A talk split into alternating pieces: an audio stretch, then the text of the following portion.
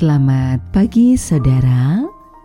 Kembali kita ada di dalam sapaan pagi. Mendengarkan Tuhan menyapa kita di dalam firman-Nya. Namun sebelum kita mendengarkan sapaan dalam firman itu, teduhkan hatimu, kita berdoa. Terima kasih ya Tuhan untuk penyertaan-Mu. Kasih setiamu kekal dalam sepanjang hidup kami Terima kasih untuk hari baru yang kau beri. Mengawalinya dengan berserah, belajar, mendengar engkau melalui firman-Mu. Di dalam Tuhan Yesus, kami berdoa. Amin. Sapaan dalam firman-Nya pada saat ini akan kita terima melalui bagian kisah para rasul pasal 7 di ayat 17. Tetapi makin dekat genapnya janji yang diberikan Allah kepada Abraham, maka makin bertambah banyaklah bangsa itu di Mesir. Kita akan refleksikan dalam tema kisah kehidupan.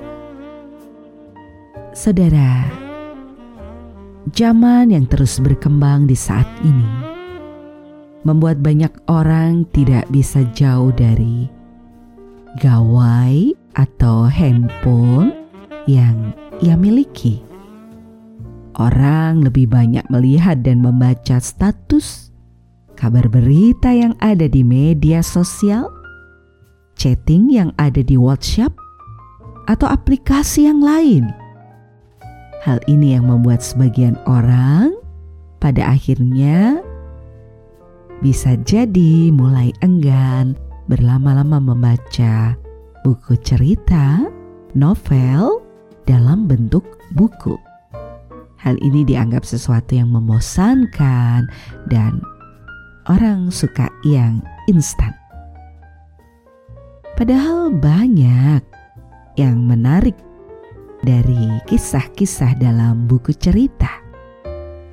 Misalnya memperhatikan sampulnya, warna yang ditampilkan dalam sampul itu, alur ceritanya, para tokoh dan karakternya, pesan yang ada di dalamnya, dan masih banyak lagi. Alkitab juga berisi tentang berbagai cerita atau kisah kehidupan dengan sejarahnya yang cukup panjang yang dibingkai dengan rencana Allah, yaitu tentang keselamatan. Dengan mengenang dan memaknai kisah dari tokoh Alkitab, akan membantu kita untuk senantiasa berefleksi atas kehidupan yang kita jalani, seperti yang dilakukan oleh Stefanus dalam pembelaannya di hadapan imam besar, Stefanus mengisahkan kembali tentang kisah perjanjian Allah dengan Abraham. Perjanjian hidup bangsa Israel yang harus melewati penderitaan di tangan Firaun hingga perjalanan kehidupan Musa. Tujuannya memaparkan fakta ini bukan untuk menarik simpati para pendakwanya, tetapi Stefanus ingin menegaskan bahwa Tuhan akan terus menyertai umatnya. Sebagaimana rencana Tuhan untuk memelihara Israel, maka kemudian bertunaslah penyelamat dunia, yaitu Yesus Kristus.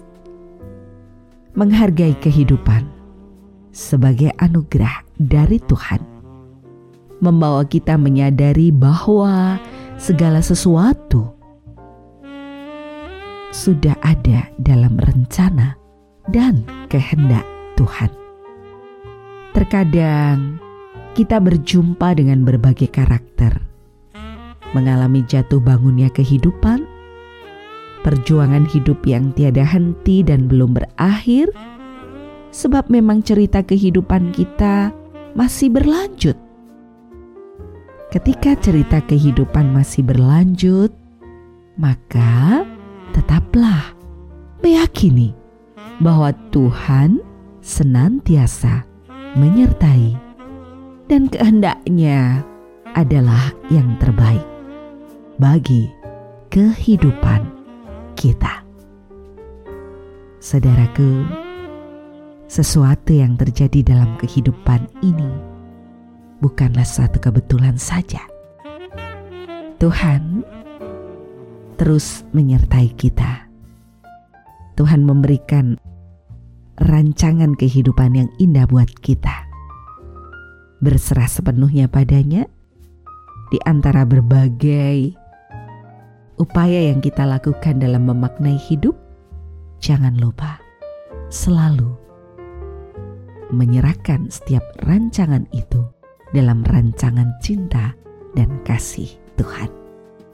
Tuhan merengkuh kita di dalam cinta kasihnya dan terus jaga prokes agar kita tetap sehat dan selamat. Salam sehat, bahagia, dan belajar ya menjadi pribadi yang berguna. Kita akan akhiri sapaan pada pagi hari ini. Mari teduhkan hatimu, kita berdoa. Engkaulah sumber kehidupan kami. Rancanganmu adalah rancangan damai sejahtera dalam untaian kisah suka dan duka, sehat dan sakit, senang dan susah. Sebab di semua hal itu ada pengajaranmu yang begitu baik, menolong kami bertumbuh dalam terang cinta kasihmu. Mengingatkan dan terus mengatakan bahwa engkau menyertai kami senantiasa oleh karena itu, dalam segala situasi itu pun, kami belajar berserah kepadamu. Kami mempercayakan sepenuhnya kehidupan yang adalah anugerah dari Engkau di dalam tangan kasih-Mu. Terima kasih ya Tuhan. Hanya di dalam nama Tuhan Yesus Kristus, doa ini kami serahkan. Amin. Saudaraku, demikianlah sapaan pada pagi hari ini. Terus dengarkan Tuhan menyapa kita di dalam firman-Nya saudara bersama saya, Esti Widya Stuti, Pendeta Jemaat Gereja Kristen Jawa Pakem, ada di lereng Gunung Merapi. Tuhan memberkati. Amin.